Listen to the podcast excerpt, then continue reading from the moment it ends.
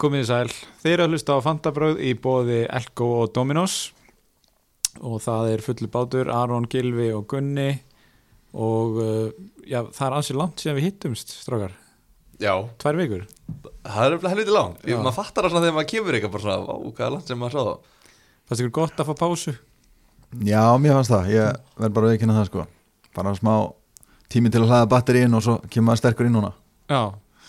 Þið veitir hvernig ég er, ég þórlega ekki pásur sko Já, ég bara, ég þarf ekki að hlaða batterín, ég hata að hlaða batterín Ég vil bara brettu bermar og halda áfram að vinna sko Þannig ég er gott að vera komin aftur í grændið Er það ekki? Jú, Herðu, já, hérna, uh, ef við bara vinda okkur beint í umferðnar eða? er það ekki bara, Já, Já. keirið í gang Hérna, hvernig var reglunar? Sá sem er með hæstu stíðin byrjar?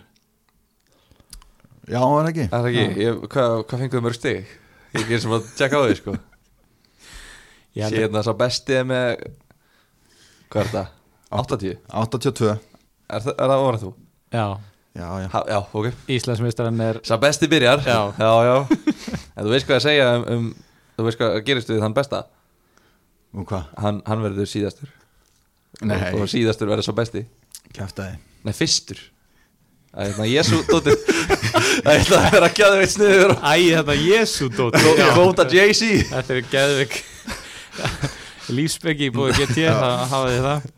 Nei, nei, gleymið þessu, þú Er- köttar þetta út. Já, segðu okkur bara að tala um um- þessu. 82 stig. Já. hérna, Ég hitt á Son Kaftin Já, vel gert. Keipti hann fyrir umferðina. Já, reynda fyrir Sterling ég gerði þau mistök að kaupa hann áður en að hérna, ég var að keppa við svona præs eða sérst, verðhækkanir. Já, þannig að ég hefði mögulega selt De Bruyne frekar ef ég hefði beðið hans með þetta en ég kefti Son og Kaftin að hann og það bara gekk mjög vel. Borgaði sér heldur betur. Svona ekki stigahæsti leikmaðurðin þannig að þú hefðir ekki getað hitt betur á það Jú, hár rétt. Já. ég, ég var svona frekar óanæði með að vera ekki með salaðan eftir laugadaginn Já, Rósaður okkur í hástert fyrir að setja bandið á hann. Og maður er alveg beigð eftir að sjá sonn með tvistinn sko, en nei, nei já, já. og svo var maður með Martínez í markinu, hann er aldrei að skila nýju stig. Virðist vera bara einna bet- besti hérna, ódýri markmaðurinn í ár. Uh, svo er mér Lukas Dinje með sjö stig, Sæs sjö stig Sala sjö stig. Fóten fekk assist, sex stig. Og Calvert Lúin hættir ekki að skora. Uh, og Jimenez kom með markaðna í lokin í gær. Er þetta besta umferðin það sem af er? Já, ég held það. Án þess að vera búin að double checka það þá er Já. ég nokkuð klára því. Já.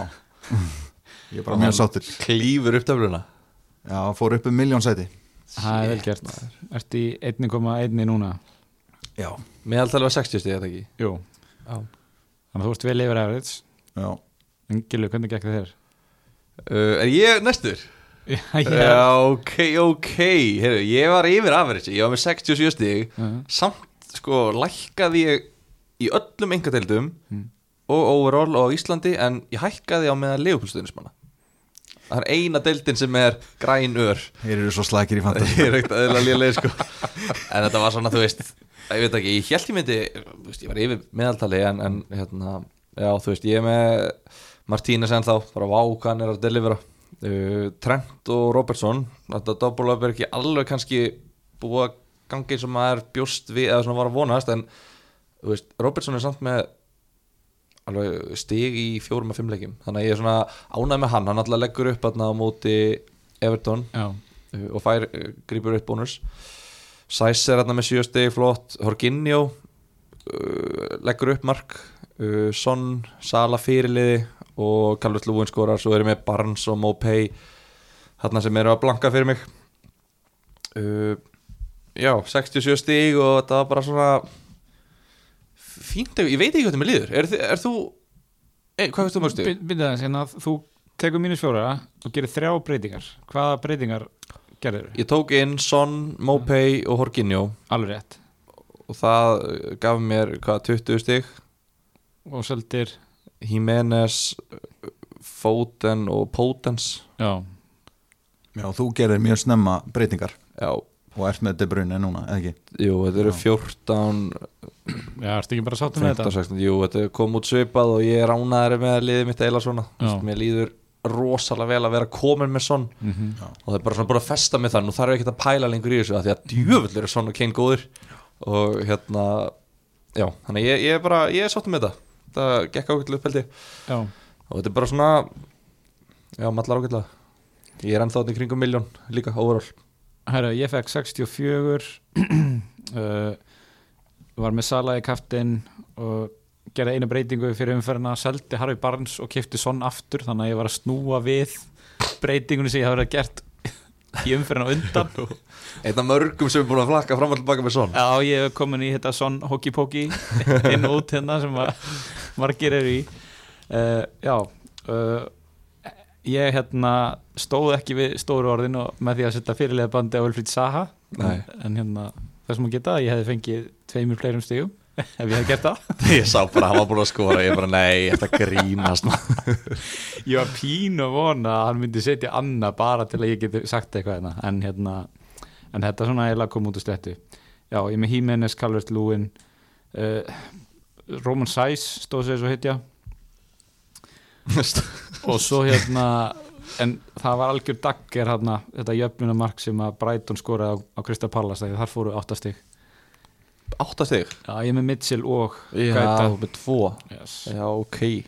Jafnvel eitthvað bónus sem þeir eru fengið. Já, ég var ekki búin að kíkja á bónustigin sko. Ég bara kveikt á sjónvarpinu og bara sá boltan fara inn í marki og ég bara, já, frábært. Oj, maður. Já, En Þetta mark var verðskulda Já, já. Þannig að það komið fram. Leiðilega tilvílun að kent sko. þetta var þessu kúluspil haldið fyrir fram að vördina og svo dettu boltinn fyrir einhvern gæja sem ég hef aldrei heyrt um sko. vannan einhverja korflæskeppni til að fá að spila hann ég kom þekki þið rétt, það var að koma á en í fantasy. En já, þetta var nú meiri verðskulda en það ekki? Krista Pallas átti eitt skot í leiknum já, og Brighton eitthvað 20 þannig að, jú, jú, þú veist þú getur komið hérna með Saha stoltið en þú getur líka, veist það ég, ég myndi, ég bjóst nú við hrókafyllri með, að- með að hafa spottað þetta. En, Já, já. en hérna, já, eitt skot í heilum leik og það fyrir inn það er Já, það er víti. Já, Þeir ástu 0 skot í já. fyrir utan víti. Þannig að það þetta er ekki svona kannski sustainable ef við, ef við, eða sjálfbært ef við, ef við reynum að orða það þannig. Herru, er þetta ekki samt svona, eð, svona það næsta sem við höfum komist í vetur til svona tilturlega eðlilega umferðar. Ég, Já, ha, nei. Ég veit það ekki. Er það ekki? Þe- Þetta er ekkit eðlileg umferð. Það er ekkert eðlilegt við Everton Liverpool leikin Nei, Chelsea Southampton leikin Spurs Vestham leikin Ég kannski, hérna, ekki kannski svona fantasy terms.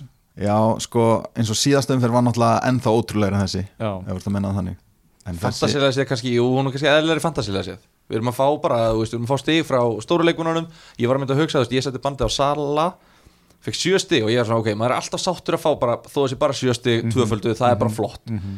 En svo hugsaði ég, þú veist Hvaða aðri möguleikar eru á fyrirliðum. Það er Bruno Fernandes, hann fekk fleiri stig. Það er Kane, fekk fleiri stig, Son fekk fleiri stig. Mm. Störling, fleiri þú veist, allir mér segja Já. Þú veist, allir aðri gæjarnir sem eru mögulegar mögulegi fyrirlegar fengu fleiri stig heldur en Sala þannig að mér leiði einhvern veginn þetta var svona öll, já, alla stóru byrjum það voru skora lítið sem engin hrein lög þannig að maður er bara fegin að hafa fengið eitthvað og við fengum tvö, Mhm. allavega ég. En herru, byrjum bara á þessum Everton Liverpool leik uh, guðuruglaður já, hérna, ógeðslegur byrjar á þessum meðslum hjá Van Dijk Er þetta ekki bara svolítið að breyta ég meina, hvernig líði þér með þitt double up í Liverpool vörninni? Gilvi? ekki vel Nei? uh, mér líður sko, þeir eiga Sheffield og Vestham heima í Næst. næstu leikum og og veist, við, við fáum þá bara ég meina, þegar við byrjum með Matip og, Gó, og hérna Van Dijk inn á kom Joe Gómez sem spilaði og lungaði leikinn með fyrra og ég meina, hann var í liðinu þegar þeir voru að múra fyrir Mm -hmm. ekki það að hann var umöluður á móti Everton fannst mér en ég veit ekki, ég er svona deil, deildin er bara öll með ógislega mikið á mörgum þannig að ég er svona einhvern veginn bara uh, mér langar ekki að hafa þá, tvo dýra varnamenn, mér langar að setja peningi minn í sóknina Mhm. en þeir eiga tvo mjög góða leiki framundan þannig að ég allavega á móti Sheffield Þeir eru náttúrulega ekkit eðlilega kaldi fyrir framann markið sko Þannig að já, það er alveg líklegt að haldi hreinu þrátt fyrir þessi áföll með Van Dijk sko. Já, ég myndi segja bara að það veri bara svona 75% líkur að þeir myndi halda hreinu á móti Sheffield sko. þannig að ég hvarlar ekki að mér að selja fyrir þennan leik? Mhm. en mér langar alveg að geta nýtt peningi minn í eitthvað annað. Emitt, uh, Calvert Lúin skorar náttúrulega fær sín hefbundu 6 stig. Uh, Mani og Sala skorar mörkin Robertson leggur upp, þetta er svona usual suspects. Yes. Michael Keane skorar og Dinje leggur upp og Hames leggur upp. Er þetta ekki svona fyrirsjónlegt? Þetta eru fantasy leikmenninir sem er að koma að þessu mörgum mér að fyrir þannig sjáanlegt að ef Everton skorar að það sé þá þessi leikmenn. Ég sá ekki alveg fyrir tvö mörg á móti Liverpool en, en hérna já, Calvert Lúin er bara eitthvað besti skallamæður bara í heimi í dag. Mm -hmm. Hún er rosalegur. Þannig að hann er náttúrulega bara orðin átó í, í öll fantasíli hvaðra með mikið? Er, er ekki yfir 50-60% sem eiga yeah. Hann er í 54,1 núna já, og mun væntalega hækka mikið fyrst að Richarlison fekk raukt spjald og fyrir þryggjalegi bann. Já, þannig að þá eru nokkrir að taka þetta straight swap yfir í Calvert Lúin já, einmitt. Þannig að þetta er sem er, en sem eru kannski, þú veist, líka stóra fréttir úr sem leika Richarlison fer í þetta bann sko. mhm, og það mun mæða þá ennþá meira á Calvert Lúin um, og, hvað ætla þá að gerast við vítin? ætla Hames fóðu vítin? Ég myndi ekki ská að Hames fóði vítin Já, mér finnst það líklegt hann er búin að vera nógu helviti góður án vítana sko og þetta markja Michael Keane og þessir, þessir, þessir föstu leikadreið, Já. fyrirgjafar hjá honum Mhm. þær eru svo sturlar ég er bara, vá, það, það þarf ekkert að gera þú veist, það er bara nóg að vera stór skilur, ég geti verið í eftirliðinu og skora svo fimmörk á tímafélinu, bara það bara getur bara verið stór og fengi boltan í hausinaður og bara, hann bara bombast inn, þú veist, og hann bara rétt snerti. Þetta er rosalegt nú og ég, held- ef við ekki tala um þetta aður, eitthvað með Hames að, þú veist, taka actually mark á því að hann er á þú veist, Petro Neto var að taka hotspillinu og svo ekki flott hjá hann skilur, en þú veist, þetta er ekki þannig spinnur eitthvað, þetta er ekki eitthvað þannig hættulegt. En þetta er svo rosalegt dæmi ég bara, mér langar eiginlega svolítið í hann. Eru þið með hann? Ég er ekki með hann. Komum kannski betur að því sé Oh my god, hvað er það Já, ég, Mér langar mjög mikið í hann núna eftir þetta Hann sko. er búin að hækka upp í 8 miljónir er með 43,8% eigin hlutvall þeir eiga Southampton og Newcastle í næstu tveimur. Lið sem eru með ekkert sérstakka varnir þannig að hérna þetta er, gæti verið gott múf eitthvað meira sem við viljum tala um í þessum leik? Ég veit það ekki, hvað hel- finnst ykkur um vördina hjá Liverpool? Já, bara sko Trent og Robertson eru náttúrulega hérna, mjög hættulegi fram á við eins og bara venjulega en mér finnst allavega að Robertson sérstaklega bara alveg áberandi mikið frammi. Sérstaklega bara með mjög mikið að snertingum inn í teig er að búa til sko fleiri færin í fyrra. Og það er einhver tölfræði sko, sem ég var að skoða sem segir að hann er alveg tölvert mikið betri en hérna Trent þegar kemur á tölfræðin núna sko. Mm -hmm. hann er búin að búa til fleiri færi, skjóta meira hann er meira inn í tegnum hjá anstæðingunum Mhm. Leggjum meira, meira bónus. Þannig að ef ég var að velja á millið þeirra núna þá myndi ég taka Robertson. En ef að einhverju núna með annarkot þess, þessara eða báða þá myndi ég ráleika að halda þeim báðum. Ég myndi, Mhm. hérna, þetta er svona halda þú ert með þá, ekki kaupa þú ert ekki með þá. Ég myndi segja það. Er Trent samt ekki að nálgast bara að selja? Ég er alveg að fá nóga sem gæði sko. Ég, horfður á leikinum helgina, Já, sástu vösluna sem Pickford tók frá honum bombuð hana alveg upp í hotni, ótrúlega vasla Já, meina, þú veist, ef Pickford gætt varðið þetta þá geta allir markmenn varðið þetta. En Pickford er Adrian. markmaður sem að tekur svona rosalega vöslur og svo gera hann svakalega stór mistök líka. Já, að ég veit ekki, þú veist, mér finnst þetta eitthvað svona, hann er líka eitthvað aukarspennum Chelsea, þetta er svona eitthvað svona, þú veist. Jú, jú, en hann er ekki að fá þessar bíluðu fyrirgjafur eins og hann var að gera, fannst mér í fyrra, þá var hann að fá boltan bara, hann var að fá svona kefindi brönu Mhm. stöður á vellinu, þar sem hann gætt bara flengt honum í svæði, bara bomba honum á þúsund kilometra hraða. Ég man ekki eftir að séð eitt þannig kross. Þeir, það er bara algjörlega búið að loka á hann og ég er einhvern veginn að hugsa, þú veist, þetta er ungur gæi þú veist, kannski er hann að láta þetta stíga sér svolítið til höfus og svona, ég veit það ekki hvað hann að pyrra sér svolítið á því, þú veist, hann og Robertson er í einhverju assist keppni alltaf og hvað er Robertson komið, tvær eða þrjá stásendingar já, búin að skora líka. Já, þú veist, þannig að þetta er hann er, hann er örugglega orðin svona, þú veist, hann virkar á mér svona pínu þetta er bara krakki skiljið, þú veist, mm Mhm. allan sé ekki orðin bara svona pyrraður einhvern veginn og bara eins og markaskorari sem að skorar ekki, þú veist, allan sé ekki bara svona, ó, þú veist, ég er ekki að leggja upp, ég ætla að rembast meira og ég mun ekki ná því heldur. Erfitt að segja, en ég held bara, þú veist, mér finnst líka við svona clean sheet potensialið er bara eiginlega farið, þú veist, með þessum meðslum hjá Van Dijk og svo er Adrian í markinu einhvað áfram með það ekki. Já, þannig að, þú veist, mér finnst þetta rosalega mikill peningur til að vera eigða í varnamann sem er Einmitt. líklega ekki að fara að halda hreinu nema ok, ég segi alltaf bara fyrir mig ég ætla að halda honum í Sheffield leiknum og svo bara sjá til. Já, Já, þetta, hann, þessi Sheffield leik, leikur er að bjarga þeim sem að eiga trend því að þið þurfi ekki sko. að pæla í þessu fyrir neftur hann því að það er leikur sem er mjög líklegt að það er haldið hreinu þráttur öll, mm allt vesenið. Já. En Það er svona kannski einu sem ég var að, spá spá Everton er bara það sama, þú veist, ég veit ekki alveg hvað ég á að gera með Hames, ég veit ekki alveg hvað ég á að gera með Dinni. Kalvist Lúin er náttúrulega bara læstur. Já, ég veit ekki, sjáum til. En Everton var góða viðrögnin framöndan já. Southampton Newcastle svo er United, Fulham og Burnley og eitthvað. Þetta er alveg mörg og meira sér clean sheet möguleikar hann á móti eins og bara Newcastle til dæmis og Fulham. Algjörlega. Herru, Chelsea, Southampton, 3-3 þetta var keppni í sprellimörkum síndist mér. Loksins vaknaði Werner. Já.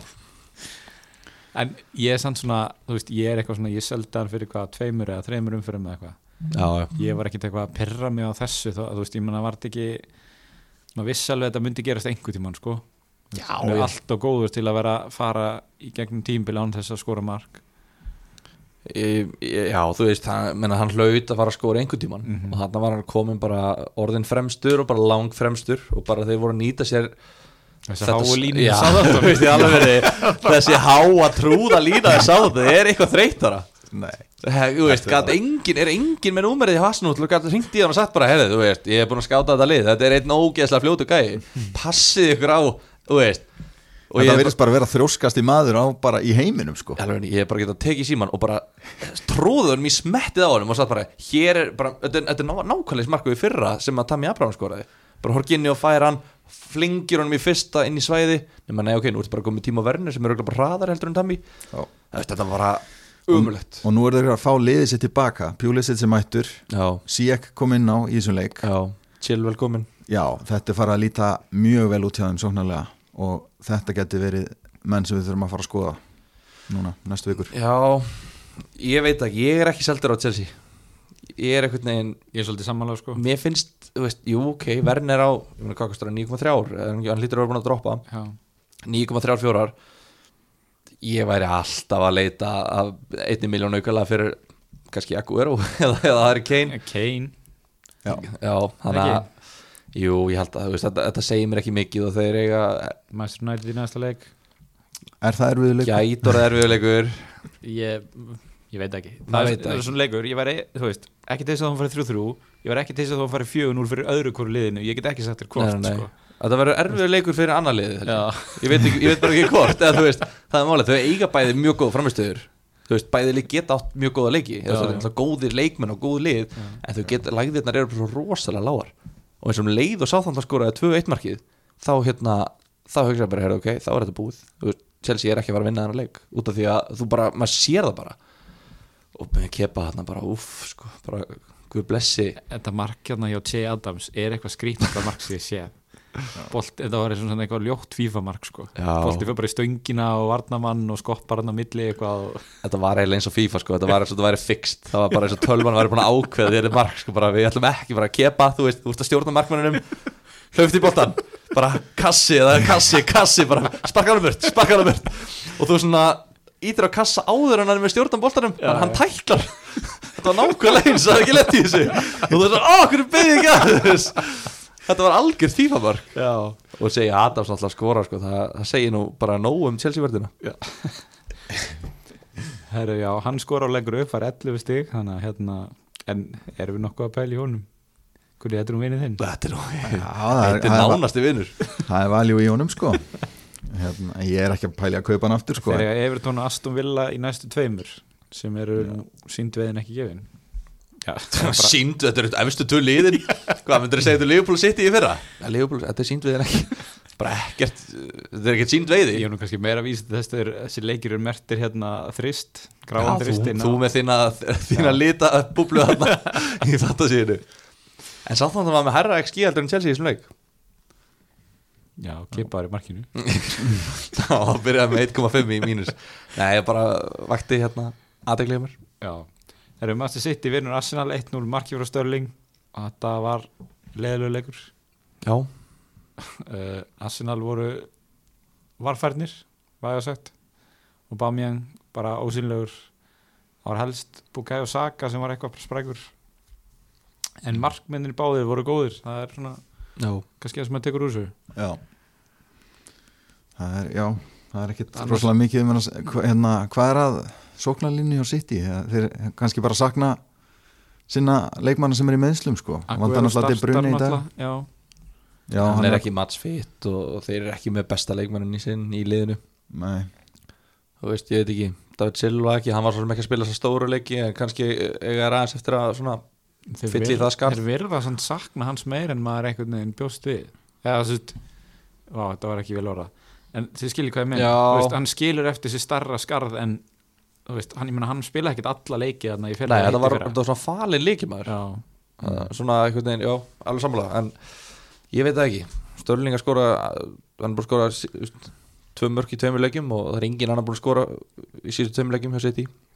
Hvað hérna, hva finnst ykkur um Mares ég var einmitt að skoða það, mér finnst hann mér finnst þetta mjög áhugað spik núna þegar að er bráinu verið frá næstu, næstu nokkrar vikur sagði Pep Guardiola áðan þannig að hérna ég held að maður verði bara að selja þetta brunni ef þetta er svona mikill vafið þú veist, þú, veist, mér, mér, mér var nógu illa við að hafa hann á bekknum núna í þessari umferð. Já. en maður vill ekkert vera með hann og þú veist ekki hvort þetta verði tværi eða fjóra vikur, þetta eru fjóra vikur þá er þetta náttúrulega bara galið að vera með 11,5 miljón krónar mann bara ekki að spila. Algjörlega umræðan náttúrulega fyrir þessa helgi var að hann yrði líklegast klár núna næstu helgi. Já, einmitt, þannig að ef hann er frá núna í nokkra vikur þá, þá bara verður maður að selja sko. Ég held að muscle injury, veist, það, það getur verið erfitt. Já, þetta er mitt og svo er allt sem er svona óljós meðsli verða miklu lengri en Mhm. þú veist, fólk er að búast við sko. óþólandi Reyga Vestham úti næst sem að er nú ekkit auðveldur leikur eins og kannski síndi sig um helgina. Já, já, hann meina auðvelt að skora þrjúmarka korteri, þannig að við erum að tala um sóknamennina þá kannski aðeins annar mál já, já, Já, sko áhugaverðu punktu með vest að, að hérna, þeir eru með lægsta hérna, expected goals conceded í síðustu fjórum leikjum af öllum liðum í deildinni. Og voru einmitt líka með herra XG heldur en Tottenham. Já. í, í leiknum. Æ, meni, ég horfði á, þarna á Lester Vestham um daginn og Lester átti ekki skot í leiknum. Nei, Vestham leit út bara þess að þeir getur spilað í þrjá daga án þess að fá sér mark Já, já, hvað þá mátu Wolves? Þeir tóku Lester Wolves og bara skeimtu báðanliðanum Stóðu í Arsenal, fengu á sig tvö mörg Stóðu í Tottenham, fengu samt á sig þrjú mörg Þannig að maður er að hugsa að þú veist Eru Lester Wolves kannski komið stittra? Og þú veist, þetta er ennþá bara Big Six. Og við erum að horfa bara að því minna Þeir fá sig fimm mörg í tveimur leikjum.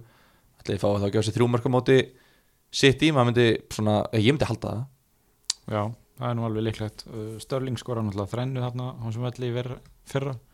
Já, en er Störling Þremur miljónum meira virði heldur en Mares, skilji Ef við ætlum að selja, við erum allir myndi bröna, er það ekki? Við erum, við erum, við erum allir að fara að selja hann. Já, ég er búin að selja hann. Já, ok. Ef við verðum að horfa bara svona þægileg skipti Við viljum halda einhvern, halda einhverjum í City Ef það er eitthvað að valjú í veist, eins og þú kunni, myndur þú taka Störling eða myndur þú taka Mares? Sko, ég myndi líklegast taka Störling ef ég hefði efna honum vegna þess að þegar til bruni kemur aftur þá er maður líklegur til dett út þú veist, maður verður líka að hugsa þess Já, um það, reyndar. en náttúrulega í næstu þremu leikjum þá er auðvitað me meira valjú í Mares því hann er auðvitað að fara að spila Mm -hmm. Spilaði hann ekki 90 mot Arsenal? Ég held að Ég ættum nú að geta flett í hérna upp. Fletti hérna upp og fóten líka þú veist, hann er á 6,5 eða eitthvað svoleiðis leggur upp hann er þetta bara að gera sína 6,6 miljóna hluti er það ekki?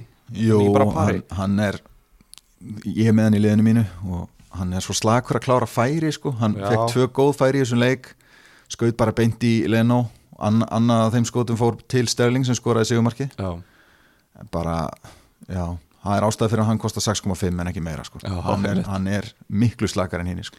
En já, maður er tveisar búin að spila 90 myndur þar á meðal á móti Arsenal spilaði 76 þarna á móti Leeds þannig að hann er, þú veist, það er ekki verið að taka hann snemma út af nei og ekki verið að taka hann út af hann í tveimleikum þannig að þetta er alveg ágætis pæling held ég. Svo er reyndar það er ótrúlega að þetta sé síðasta pælingin með City. Mm. Aguero kostar 10,4 það er undir 2% leikmanna sem er eigan Mhm. þú veist hann tekur vítin.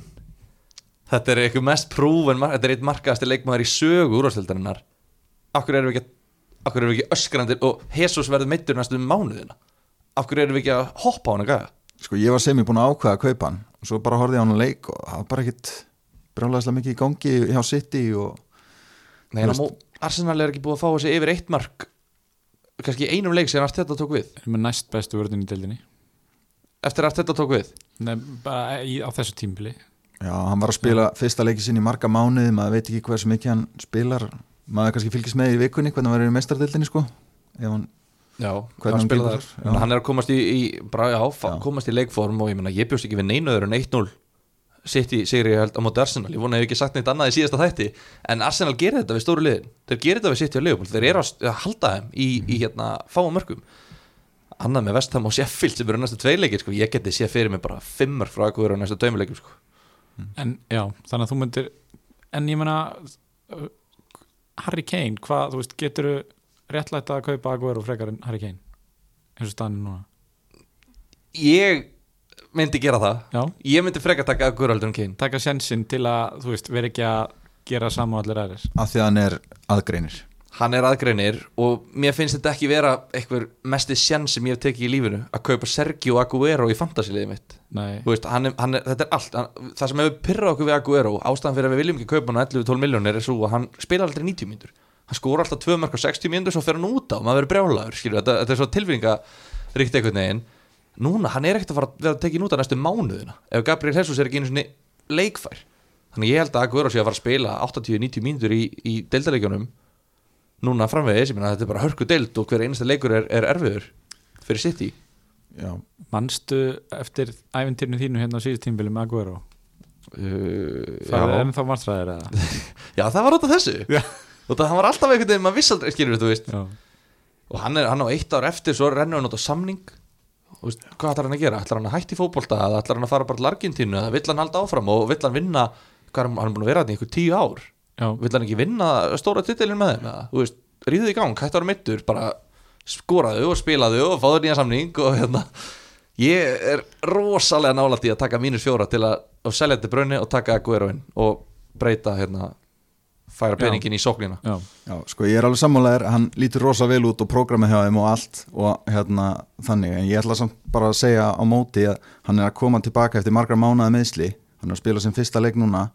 Hann er að fara að spila á þryggjadaga fresti með sitt í núna bara næstu margar vikurnar. Og ég held að hann fá ekki 90 mínútur í hverju minnsta leik sko. ég held að hann verði mögulega eitthvað á bekknum að koma inn á eða tekinn snem út á, ég held að það breytist ekki sko. Já, Þeir eiga Vestham, Sheffield, Liverpool og Tottenham. Er þetta ekki bara spurning um aðeins að býða og sjá fram yfir þessa leiki eða? Tottenham getur ekki aldrei hreinu. Sheffield er liðlega stælið í deildinni. Vestham getur, getur skorað það og Liverpool án Alisson og Van Dijk. Ég, ég ætla að stiðja Gilva að kaupa Aguero, ég er mjög spenntur.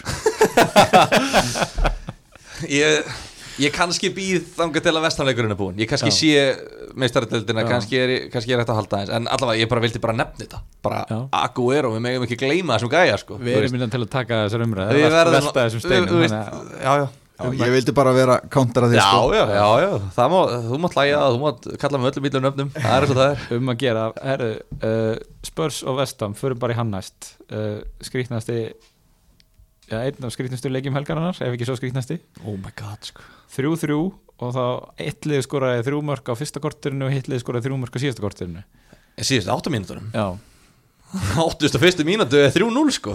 Bara maður bara man ekki eftir öðru eins sko. þetta var rosalegt. Uh, Kane og Son félagarnir uh, eru allt í öllu þarna og eru orðnir bara must have á mínu viti. Já, við vorum að ræða þetta inn í síðasta þætti sko, hvort það væri gott að vera með á báða. Já, og hérna Gilvi var ekki alveg viss á því. Við vorum svona, við, hérna, Aron vorum að tala um að það væri gott sko. Já, og- já voru þið að tala um það? Ok, ok, var ég bara hérna út í hotta að tala um Ef við farum lítið um tilbaka Hallá, erum við? Verðum að fara að líta tilbaka en, En núna erum við búin að fá svarið því. Já, Það er bara, næstu þrý leiki líti ekkit eðlilega vel út fyrir það sko. Það sem að mér finnst svo erfitt og leðilt í þessu er hvað maður lét, þú veist maður er mest áhrifagjarn fyrir fyrstu umferðinni á nýju tímbili og tóttinum litur svo illa út í fyrsta leik á mútið Everton sem bara fældi mig algjörlega frá þessarum pælingum. Og svo náttúrulega bara eru þeir búin að vera á eldi síðan.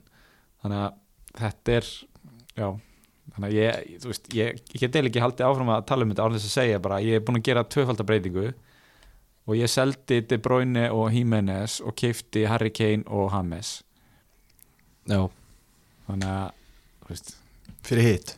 fyrir, fyrir mínus fjóra. Já. en að samanskapi, ég meina ég, mér fannst, ég, ég var ennþá að taka sjens með að selja De Bruyne í gær þegar að þeir voru báðir að fara að hækki verði Kane og James og ham, að Kane hækkaði ekki. Gæti gert það í kvöld. Mhm. uh, en já, þannig að ég bara með hvernig ég lít út þá bara gæti ég ekki annað, sérstaklega með þess að þrjá leiki minn sem að tóttir á næst. Burnley, West Bromwich og hvað er það annað hana, eitthvað lélætt lið. Ég maður pala sig það er Skiptir alltaf ekki þrý, máli. þrý djúsi leikir í röð. Já. Ég er alveg sammála, ég, ég er nála til að kaupa Kane líka sko, eða þú veist, ég er ekkert eitthvað það var ekki lélegt pikk, finnst Nei. mér. En ég er samt svona einhvern veginn ég veit það ekki. Hvaða framherji fer úr liðinu þínu ef þú kaupir hann Keenan Davis. Er það grænt ljós á það? Já, þú mátt selja því ég er náttúrulega Karl Lúin er bara fastur veist, Já, ég, já. ég hef ekki einu sinni, ég, ekki, ég get ekki einu sinni hugsað um að selja hann. Uh, ég var að taka inn Mopay og hann lítur bara alveg vel út veist, hann lítur bara mjög fínt út á móti Kristaballas þannig að hérna já, ég vil ekkert selja hann strax en þetta er spurning hvort ég mitt skilið til bröðinu og taki þá Aguero eða Kane inn í staðinn ég veit það ekki bara, þú veist hann er að spila svo djúpur Kane, þú veist, hann er að leggja upp þessu mörkastönd, þú veist, og við vitum alveg nákvæmlega hvað er að gerast en þetta er eitthvað svo bara við finnst þetta svo einfalt einhvern veginn eða þú veist, þetta, þetta er einhvern veginn of létt skiljið, hvað er að menna? Já, fyrst, ertu að meina að þegar þú horfir á leikina fyrst en hann var átperforma tölfræðin eða þú veist Já, hvað já, já. já, ná, Hver- algjörlega hvernig heldur þetta verði núna á útivöld á móti Burnley Burnley hjælt hreinu núna þeir eru komin í gang vörnin hjá þeim? Er það? Hvernig heldur það gangi? Að þeir heldur hreina á móti Vestbrómins er þeir þá komin í gang? Já, veist, ef við skoðum þessi bara, ég veit ekki ef við, ef við, ef við ef bara þið eða hlustundur eða eitthvað ef við rennum aðeins yfir mörkin sem að Kane er búin að skora Mm. hvernig eru þau búin að vera? Og ímyndið ykkur Burnley fá á sig þessi mörk skiljið, það er það sem ég er að segja, þeir Já. spila allt miklu neðar en þessi lið Já. sem að þeir eru að skora sér marka á. Ímyndið ykkur eh, Kane klifra yfir Tarkovski og fá boltan á fjær og skallan framjá Nick Pope. Þó hann hafi klifrað yfir einhvern eh, ég veit ekki eins og hvað gæði þetta, Kressvel eða eitthvað í Vesthamskilið, þú veist. Þetta er, Burnley er ekki að fara að fá þessi svona mark. Burnley er ekki að fara að reyna að spila út og tóttin að vinna boltan eins og móti mannjú ég man ekki hvort það var Kane eða Son sem skoraði. Og mér veist öll assistin frá Kane vera átt st sturlaðar sendingar á Son. Bara hann bara bombar honum í svæði og Son er mættur, sóla þrjágæja klínur honum í fjær. Ég er svona að hugsa, þetta er ekki að fara að gera saman til Burnley ég sé ekki gerast á mötu Burnley þannig ég, bara, ég vil ekki dobla upp á þeim. Ég er bara sáttur með Son, hann er ódýrari hann er að skora meira, hann er að fá fleiri stig. Nei, Kane er þetta með fleiri stig. En þetta, þú veist, skilja ykkur að Já, ég já. þarf ekki að dobla upp núna. Ég, veist, það eru það margir komni með Kane. Sko, maður, maður reynir alltaf að finna ástæðu til að kaupa ekki Kane sko, ef maður, ef maður getur það ekki eða ætlar ekki að gera það en allavega þetta er það sem maður er að hugsa sko, ef maður er ekki með Kane þá hugsa maður svona jákvætt og sér þetta. Já, eða þú veist, þetta er, já, ég veit það ekki. Ég ætla, ég ætla ekki að taka allavega held ég, að ég veit það ekki, það getur vel verið að- ég, ég eftir að hugsa þetta eins betur eftir meistardildinu og svona. En finnst- mér finnst mjög gaman að við séum akkurat ósamála með Aguero og Kane málið. Þú veist, mér heyrist við vera alveg gjörsalega Já, þú veist, Aguero er ekki kannski, kannski hljóma eins og mér finnst Aguero að vera átó hann er, hann er ekki átó Já. en mér finnst ég veit það ekki, þú veist, ég, ég bara ah, ég veit það ekki. Svo kom Gareth Bale inn á. Og leikurinn hrundi. Og hann fekk hann að dauðafæri eða þú veist, reyndar gerði rosalega vel í að koma sér í dauðafæri í lokin og hefði getað komið þeim í fjögur tvö þá. Já, já, en uh, það gerist ekki og þeir fengi á sig þetta markana í lokin hann var erfiðar að skjóta framhjá heldur en að skora þetta sko. mér fannst hann var búin að sjá, ég er búin að sjá hann skora úr þessu færi sko. já, en hérna en uh, þú veist, er það ekki algjör gildra að fara að kaupa hann eitthvað strax jú, jú já, hann er alltaf dýr til að taka þennan sén strax sko. hefur maður með son sem er ódýrari já. hann er ennþá ódýrari það er no-brainer sko, að vera með hann frekar sko. en Algjörlega. hérna, hvað segið um Sergio Regulón sem er komin hann í vinstri bakurinn leggur upp eitt markið og Kane. Ég er að skoða hann. Já, ég, ég, er að, ég er að pæli að kaupa hann bara núna sko. Ha? hann líta mjög vel út. Í tóttunum? já, næstu þrýr Já, eru mjög góðir. Brighton, West Bromwich. og þetta er svona, ég er með Rhys James þarna sem að verist svona vera inn út úr liðinu og þarf að losa hann. Hann er algjört vandamál. Hann er vandamál. Já. Ekki láta koma þar á óvart þó að Chris Wood, Mopay og Ivanovic eiginlega ekki draumana þeirna sko.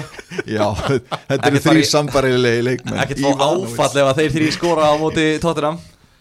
Nei, Þannig að ég veit ekki, ég, mér finnst alveg galið að vera að horfa á Tottenham varnamenn sko, þó þetta sé þessi lið, þeir get ekki haldið hreinu. Þeir hafa ekki haldið hreinu á tímabilinu og þetta er bara, þú veist þetta er svo andlegt. Og er svo, ég er alltaf ennþá ástfangin af þessu félagi eftir að á þessa þætti. Þetta er ekki besti þætti sem ég séð bara ever Tottenham þetta er, en vá hvað þetta er þetta er svo mikil hugafarsvandamál sem að Mourinho þarf bara að breyta og er að breyta og er að reyna, að vinna í. Mm. þú veist, Tottenham verið tveimur árum hefði aldrei komið sér 3-0 með vestam og bara og náða að drepa leikinn.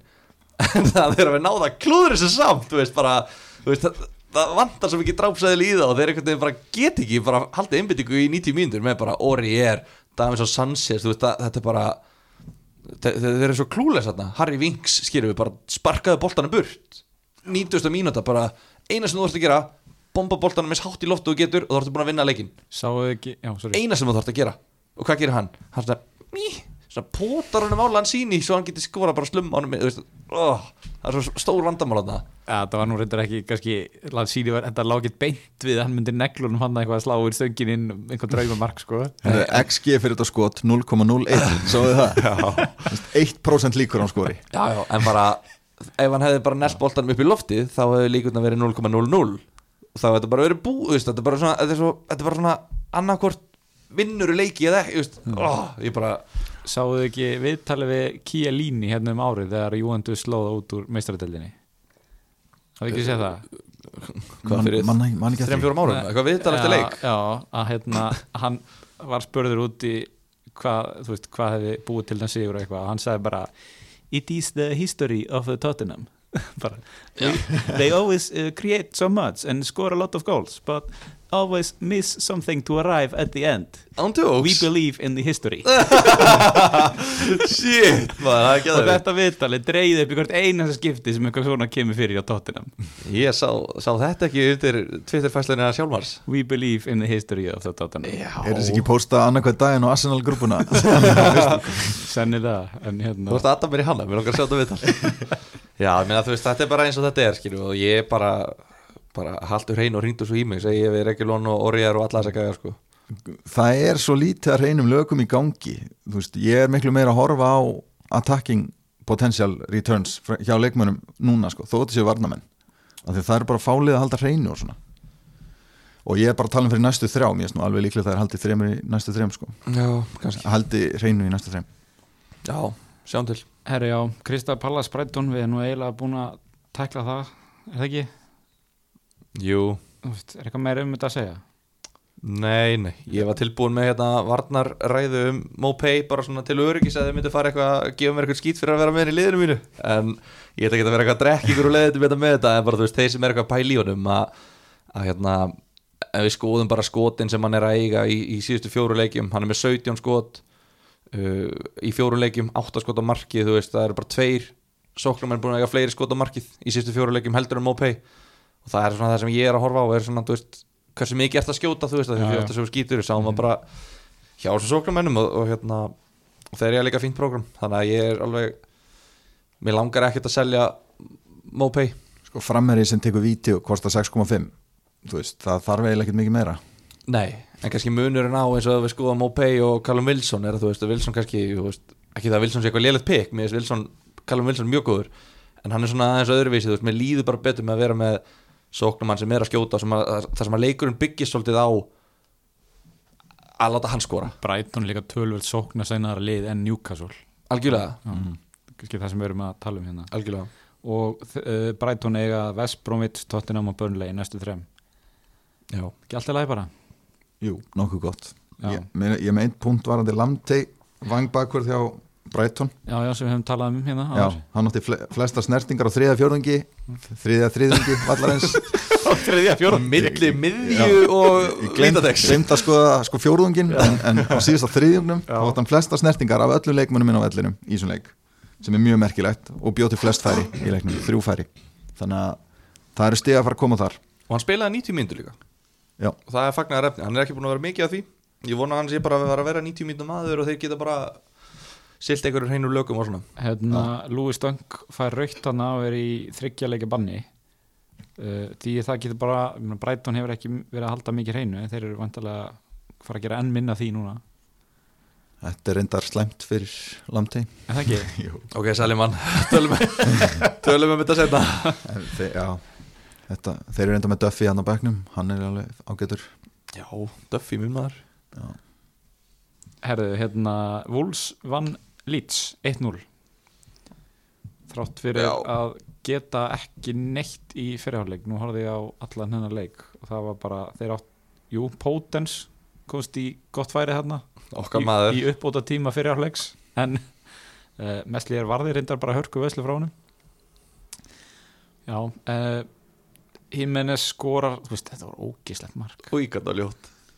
Eru sá ekki hvað hann sagði í viðtalið til leik? Hann sagði að þetta hefði verið alveg í hotni stöngininn ef hann hefði ekki farið í varnamannin Þannig að þetta hefði verið mark.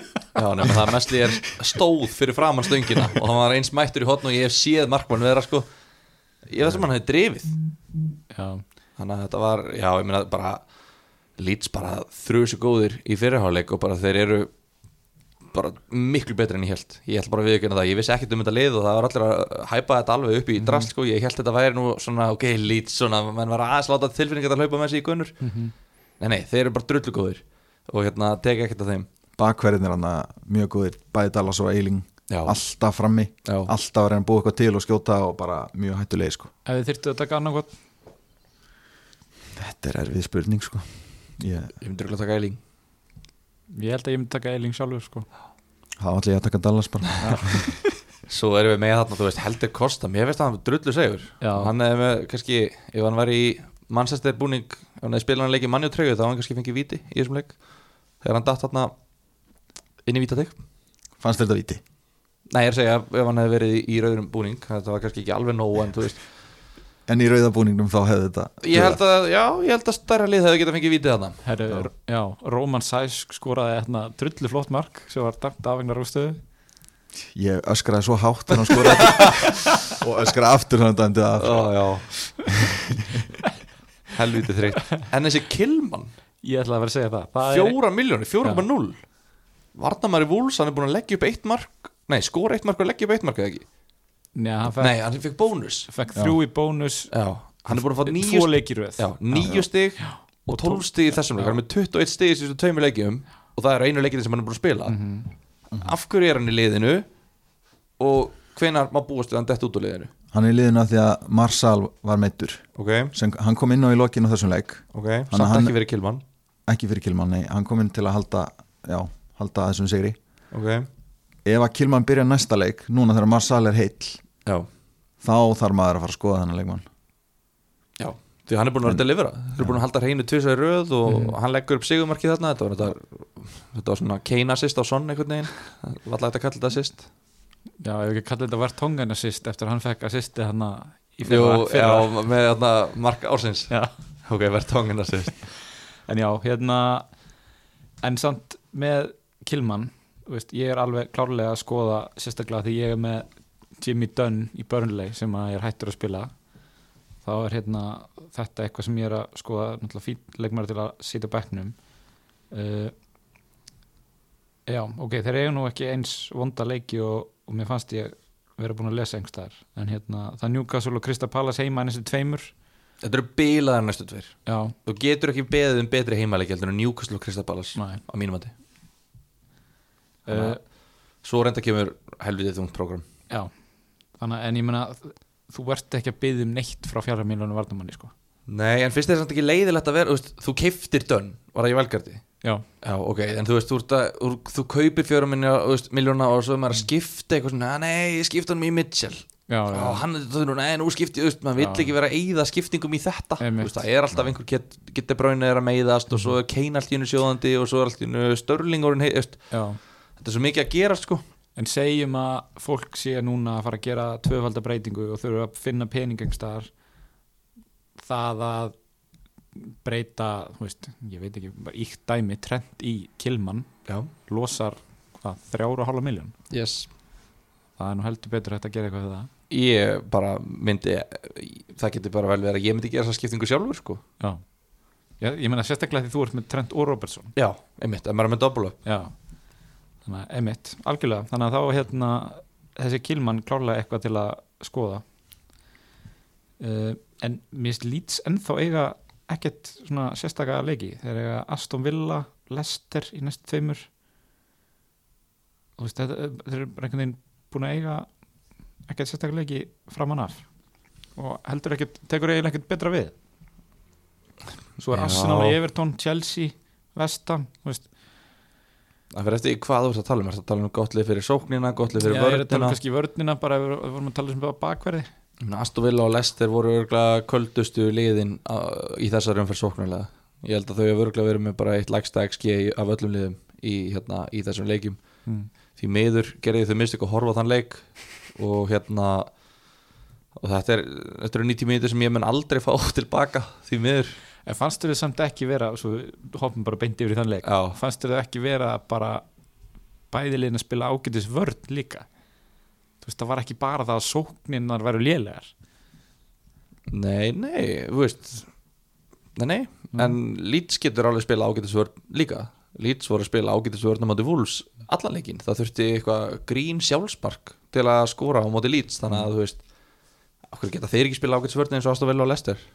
Já, já, Ég veit það ekki, þú veist að fá þessi eitt marka móti City líka, þeir eru ekkert eitthvað galopni þó að fyrsti leikurinn eitthvað fjögur þrjú móti Liverpool leit út eins og það væri bara ok, þetta er Bielsa boltinn bara bing bing bing bing og bara þú veist bara þúsund kilómetra hraði allan tíman já, já. Ég veit það ekki. Herru, já, en tökum hérna Lester Aston Villa. Barkley skorar einu markið og Martínez heldur hreinu og hérna fær nýju stík Já, Er ekki sáttur með hann? Vákvæmt áfallegt ríkala sáttu með hann sko. Ég elska hann að vann Sitt hvað ég er eh, nett þunglindur að hafa tekið þennan Vicente Guaita fram yfir. Já, þú Mér fannst ég bara Mér fannst ég vera vera að nota of mikil assenangleiru að taka Martínez. Skilja Já, já, já. Já, þannig að þið hafið náðu að forðast það sko verðandi stöðningsmann annar að liða. Hann er svo svalur eitthvað sko. Já. Hann er bara alltaf lukkar eins og hann sé með þetta. Ég hef bara Hann vall að er- sé betri holningu á Hann er, hann er anstæðan við kepa sko. Já, Já. Alveg.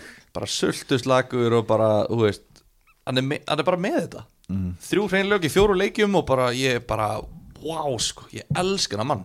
Komin upp í 4,8 en ég menna samt ennþá geggju kaup.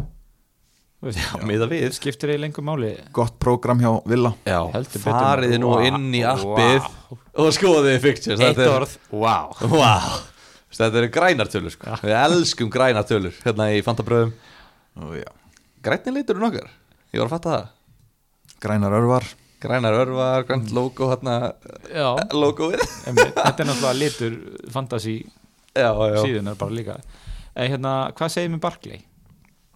Þú varst að tala um grillis Gilvi, þú ætlar að leifa þær að kaupa grillis hérna næsta laugardag þegar það er fyrsti vetradagur Ha? Nú, Ég kom með grillis ég er að pæla að taka hann. Þannig að uh, ég kefti grillis fyrir Potens Ég gerði tvöfaldarskiptingu fyrir þessa umferð sko. Já, já Já, ég, á, ég ætlaði að býða mitt og sjá. Þetta var, þe Þessi leikur munið þetta var Barnes á móti Grílis Já. Ég var Já, að pæla hvort, hvort ég ætti að halda Barnes eða skipta hann með í Grílis Og Já, já ok, ta- ég skal tala um Barnes á eftir. En Grílis er leikmaður sem ég langar í. Hann er bara svo ógeðslega góður. Allt Já, þetta fyrir kringum. ef þú hefur ekki efna á grílis þá er Barkley alveg kostu líka. En hann er, ég held hann grílis er alltaf að fara, fara að fá fleiri stig en Barkley held ég. Já, já, hvað kostar Barkley? 5,9 Já, 5,9 hann er búin að lækka. Það er á mikið sko. Og mikið? Já, búin að skora tvo líki í röð sko. já þú veist hvað, Það var skot fyrir utan teig. Hvernig var hittmarkið? hann skorar eiginlega alltaf fyrir utan teg skoraði hann skaut í trend eða einhvern Já, í var það ekki? Liverpool-leiknum. Þú veist, þetta er ekki eitt af Lampard. þessum fjóru mörgu sem fóru í varnamannu inn. Þetta er ekki Lampard sko en hérna, hvað heldur með vítin í Aston Villa? Við veitum ekki ennþá hvert ykkur vítin. Það er grílis Er það ekki? ég allavega var að treysta á það þegar ég kefti hann. Ok, Sko, samkvæmt okkar heimildum þá er Wesley Vítaskipta nummer eitt eða ekki? Já, getur glemt því sko. Og hver á vítaskipta nummer tvö? Er það Davis eða? Það, þetta er eitthvað svona Það voru tvei, nei, hú, Húri Hahn eða eitthvað. Nú, ok. El Gassi kannski, þetta var eitthvað svona þetta voru tveir leikmenn sem voru skráðir vítaskiptur en hvorugur þeir er að spila og svo var þriðji var Grílis held ég. Þannig ég held að Grílis sé bara pottið líka núna, þetta er bara þú veist hann er bara maðurinn. Og miða við hvað hérna, hvað er hann, Eddie Smith. Dean Smith. Dean Smith, já. Miða við hvað hérna hvað hann á að hafa sagt við Barkley bara heyrðu Barkley, ég kem þér á EM-hópin kottu til okkar, ég kem þér í EM og bara ég, ég græja þig skilur, þetta virkar svona gæði sem svona vill hafa líkilmennina sína góða og bara svona þú veist, svolítið eins og Mourinho var- virðist vera að gera við Kane og svona, bara heyrðu, hann hlýtur að vera að gera eitthvað saman við Grillis, bara ég skal koma þér þú veist, til mannjú eða ég skal koma þér bara ei, við skulum bara verða englandsmeistara sjálfur skilur, þú veist, við skulum bara vinna alla leiki eða, þannig að ég held að Grillis er pottur með vítin Já. það er, samt, það er alveg möguleik að sé Barclay eða, eða okkar maður Olli sko. Olli sko. En þeir eru ekki búin að fá neitt vitið, þú veist Þurfum við eitthvað að pæla í sem mest að vilja Þeir eru ekki þannig leið, þetta er bara heldur bara að fá ekkert viti og við fáum ekkert að vita hver er vítaskittan Ekki ég, ég held við þurfum bara að hafa þetta í huga fyrir öll lið sko. Jú, jú, svo sem. Ég verð að segja fyrir mig, ég er ennþá með Potence og hérna er að svona leggja drauga því að koma honum úr liðinu. Já, og ég er alveg í eitthvað Það- þetta, þetta er náttúrulega lítill verðmunur hann á milli, þetta er bara 0,3 ár sem ég þarf að bæta við. Já, svo sem En Grílis er búin að skapa flest færi í síðustu fjóruleikjum Af öllum leikmennum í deildinni. Jafn mikið og Bruno og, og Kevin De Bruyne Þeir eru allir með, með 14 færi. Hann er búin að eiga 8 skotin í vítateg sem er þriðja mest af miðjumennum í síðustu fjóruleikjum Við þið hvað tveir miðjumennum er búin að eiga fleiri skot heldur en Grílis í síðustu fjórum? Sala og Son. Salamanni hann er hérna, þú veist hann er með þessa tölfræði líka maður sér það, þú veist, þetta er, ef, ef við tölum um að horfa á leikin, þú veist, að þetta er ekki bara tölfræði þetta er líka bara hvernig þetta lúkar, þú veist, áran yfir honum. Hann er algjör leikir maður, þið sáuðum það í þessum leika, þú veist, þetta snýrist fyrir að hann fengi boltan og hann er bara að dribbla og leika sér og klappa boltanum og svona, þú veist. Fyrir hvað, þetta er ein miljón eða eitthvað meira, þú veist. Ég verð að taka hann frekar en Barkley. Já. En hvað finnst ykkur um vördina í Aston Villa? Þið eru náttúrulega verandi með markmannin ekki kannski að pæla í þessu að þið eru ekkert að fara að bæta við. En mér finnst þeir eru, ég meina það er augljóst hverjir eru þessi fjóri sem er að spila alla leiki. Það er Kass, Target, Mings og þessi Konsa. Já. þeir eru allir bara þokkulega fínu verði. Já og þeir eru líka allir ég er bara trúið með öllum sem fantasileikmönnum Já, þeir bæði Mings og Konsa miðverðinir eru ógeðslega hættulegir hann inn í teig sko. Bara þeir fara alltaf inn í teig öllum hotnum og aukarspinnum og mjög hættulegir hana og bæði Kass og Target er að leggja upp færi og minnur að Target sé á einhverjum hérna, hotspinnum og aukarspinnum mm og Kass er búin að leggja upp fullt af færum þannig að þeir eru bara allir möguleiki fyrir mér sko. Já. ég minnst reyfin á Kass mér veist hann svona, þú veist, hann veit ekki eðlilega fallegu gæði hann kostar enda mest Kass sko. Er það? já, hann kostar 5, hinn er á 4,5 Nei, Mings er ekki á 4,5 Mings er á 5,1 eða 2 Já, sorry. Okkur er kass á 5 Þetta er svona, þú veist, hann er eitthvað svo klauvalug Mér finnst þetta svona gæði sem er að fara að fá tvö rauð á tímabilinu. Hann er einhvern veginn svona Er þetta svona þeirra orðir? Já, hann er svona pínu einhvern veginn, þú veist svona, eins og þetta spjaldið sem hann fekk í þessum leika hittir ekki boltan og ég sé þetta uh, móti hvaða liði var þetta? Ég sé þetta áður hjá hann, þetta er svona pínu klauvalegt eitthvað.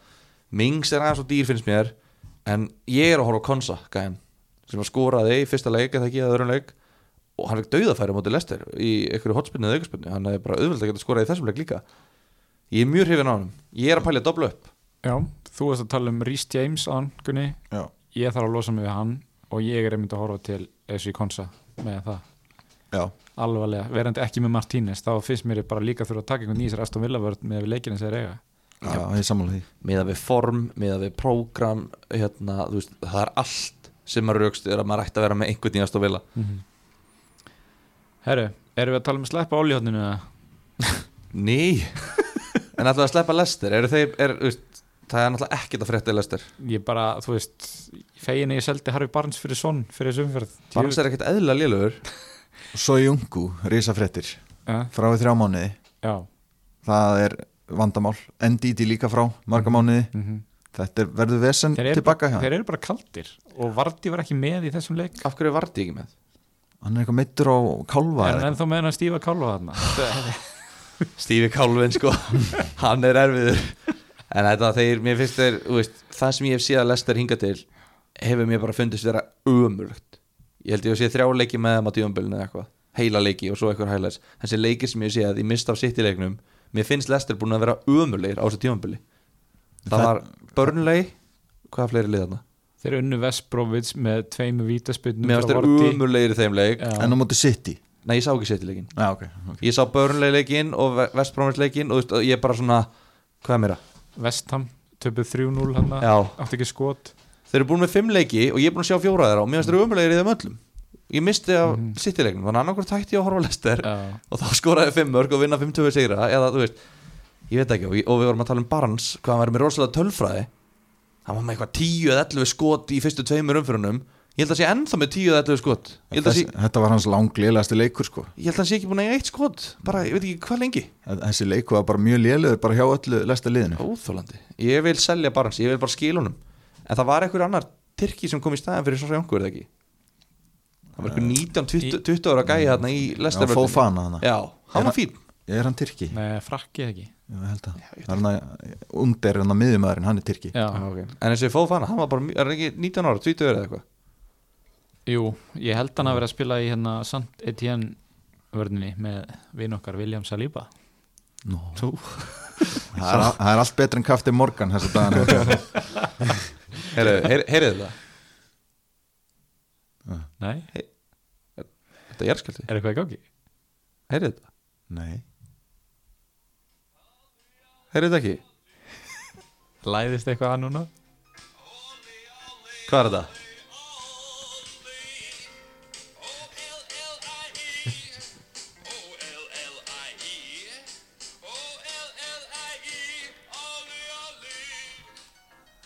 Olli hótti poppaði bara upp allt í einu Djöfullin maður, strákar Hvað voru mörg mörg frá Olli umfyrinni?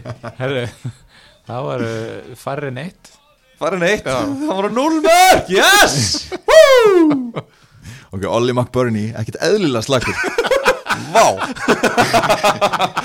Af hverju heldur það? af því hann heitir Ollie Ömurlegur. Új, hann hann áttur að skora mútið Leopold í næsta leik. En nei, bara þú veist Guð minn almáttur Úff. Já, Þetta er að rætast, stokkar Engin önnu mörg eftir þessa trennu Já ég verður vonað að myndi sleppa Ollie hotinu núna sko. Nei, nei. Við slepptum ég ekki síðast Þá sleppum við ekki núna. Já, ég veit ekki, mér hérna, þú veist, maður er alltaf að reyna að sikta út sko hvaða leikir er að kenna manni eitthvað og hvaða leikir eru ómarktækir, þú veist, í þessu dæmi öllu. Og mér finnst bara, ég ætla ekki að reyna að draga einhvern stóra dóma af þessum Lester Aston Villa leik sko. Nefnum bara það, að ég ætla ekki að endilega kaupa einn í Lester Nei, en ég held að Ollie Watkins hafi ekki snert boltan í þessum leik Og Ollie Buckburney var með XG upp á 0,7 eða eitthvað Gat samt ekki skorað. Hvað er Ollie Burke?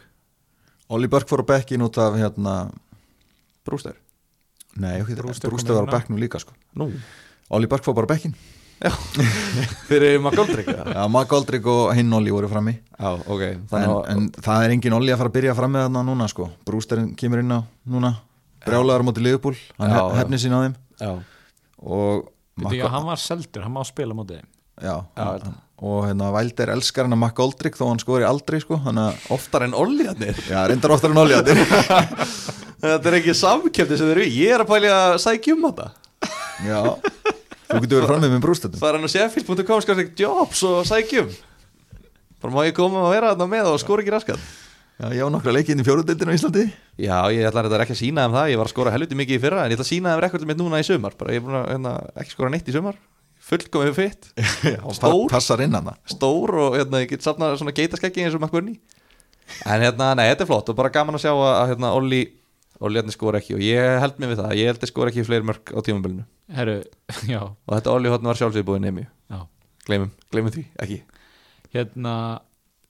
uh, já, eitt eitt játtöfli á Sheffield og Fulham. Og það sem ég tók eftir í þessu leikur að Mitrovic náttúrulega klúraði viti Já, þú tókst eftir því. Já, klúraði dauðafæri. Nei það sem ég ætla að segja, ég tók eftir að hann endaði þessu, í BPS-kerfinu þá endaði hann í mínus. Mm. hann fekk mínus 14 stig í bónustiga kerfinu Ha? já, Vá, vá, það er rosalegt Það er rosalegt. Það er eiginlega ekki oft sem það gerist. Nei En þetta er akkur svona gauðir sem er ekki með í leiknum fyrir en kemur að því að taka víti eða skalla eitthvað einn bolt inn. Er það ekki? ekki með í leiknum. Veist, hann, er, er, er þetta ekki þannig leikmaður? hann, hann er með flest skot af öllum framherjum í, inn í teiknum síðustu fjóruleikim Já, ok, já. Af öllum framherjum síðustu fjóruleiki skotin í teik 17 skot, flest af öllum frammeðum 17 skot inn í vítadeg Já. Byttu nú við. Við erum að fact-checka þetta. En hann náttúrulega sko þegar kemur bolti fyrir þá stangar hann hann yfirleitt yfir að framhjá sko. Og það tel sem skotin í teig. En hann á tvo leiki núna næstu tvo létta. Ef ég væri með hann, ég myndi halda honum. Nei. Jú, ég ætla bara að segja það. Hann áttur að skora næst, öðrum að næstu tveim. Ekki gera þetta.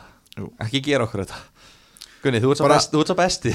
allir, allir eru að tala um að selja hann. Selja hann, selja hann, selja hann. Ég ætla að segja þetta.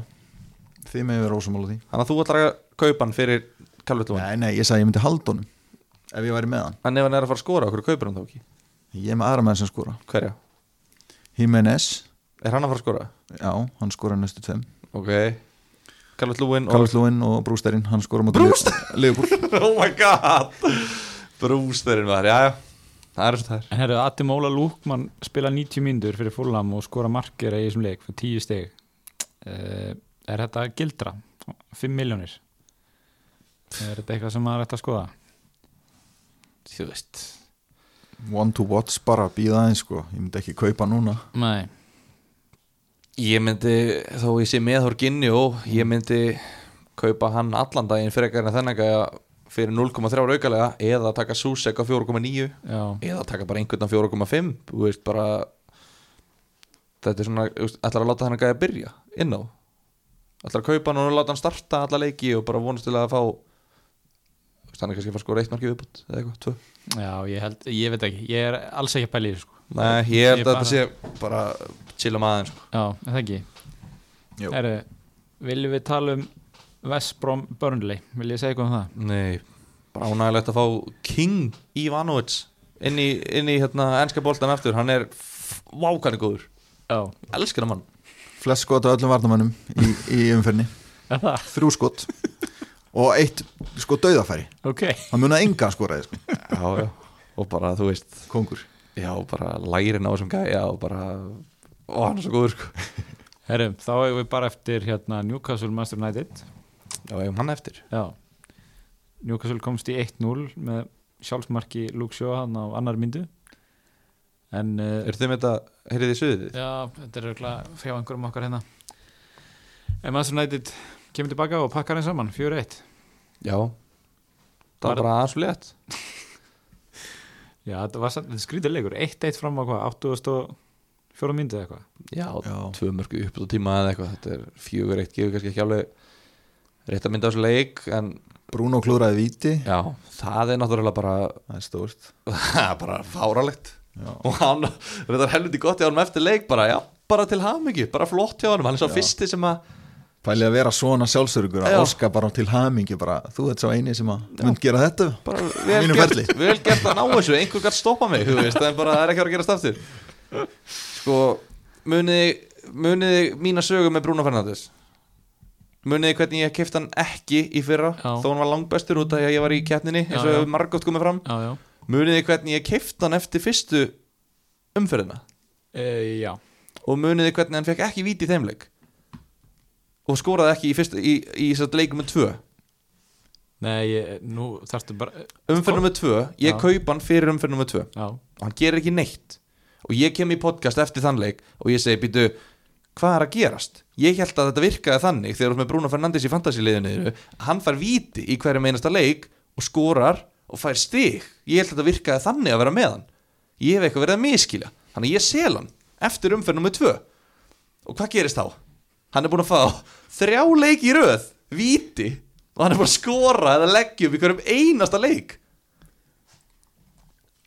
Þetta er það sem hann gerir. Þetta Það er bara óþáð, hann er með 29 stig, er það ekki, í síðustu þremur leikjum? E, jú, og ég seldi hann eftir einn leik, ég held að sé búin að spila einn leik síðan hann kom og byrjaði að skora á þess að delivera og það var þessi eini leikur sem ég haft hann í fantasliðinu mínu. Mér finnst það líklegt Ég er ekki að grínast. Ég, Blankaði hann ekki einu sinni á síðustu leikti Jú, í fyrsta leiknum, á móti Wolves, Já, já. Held ég. Er það eina skipti? Ég held það, og svo kom hann, ég held hann hef ekki blankað. Kannski, þú veist, þetta voru eitthvað Jó, átta leikir manst ekki, hann var eini maður sem blankaði í umferðinni hjá mér, manstu? Já. Og það var kaftina Já, já. Allir hinnir. Já. Ég ætla að segja, það var auðvitað eitt leikur Jú, Já. kannski eitt leikur af þessum áttaði nýju leikur sem hann spilaði. Og svo núna þarna, þú veist, og þetta bara í alveginni, ég á ekki orði yfir þessu. Þetta er svo mikil álög, þetta eru fantasy álögin ég átti aldrei von. Nei. ef ég ekki keft hann þá hann fikk ég víti í fyrsta leikum líka. Ef ég keft hann fyrir þessum ferð hann, þú veist, ég átti aldrei sjans Þólimæðin nei, ég er ekki, þú veist, þólum þetta, ég er búin að vera þólum og vera ekki með hann. Af hverju fæ ég ekki vel fyrir það? Þetta er óþólandi og núna á hann hvað, Chelsea og Arsenal? Já, Þú veist- og Everton. Og ég hef ekkert val. Mm. þú veist, það skiptir ekki máli hvað ég geri, ég tapa. Það skiptir ekki máli, þú veist mér langar að kaupa hann, ég er með Kevin De Bruyne 11.5, Já. mér langar að selja hann. Mm. og hvern langar við, uh, Gaurin sem er að fá 10 stig í leik Bruno Fernandes, hann er í manni og þú veist, þetta er bara auðvitað langar við hann, mér langar að taka hann. Herru, ef ég kaupa hann hann mun ekki gera neitt, hann mun ekki að fá raukt Mér líður svo ég sé að hlusta á bara alla fantasy spilara í heimi um eitthvað svona mismöðandi atvik sko. Það, lí, það líður öllum svona með einhvern hlut í fantasy sko. Nei, nema þetta er sko alvöru. Já, þetta er sko alveg Nei, þú veist, þetta er svona skilju og ef ég sleppi því, þá ég get alveg lofa því. Ég ætti að sleppi þessu, ég ætti að kaupa Störling hann ætti að skora 0 mörg og Bruno Fernandes ætti að skora 2 mörg á mútið Chelsea. Ég get alveg lofa,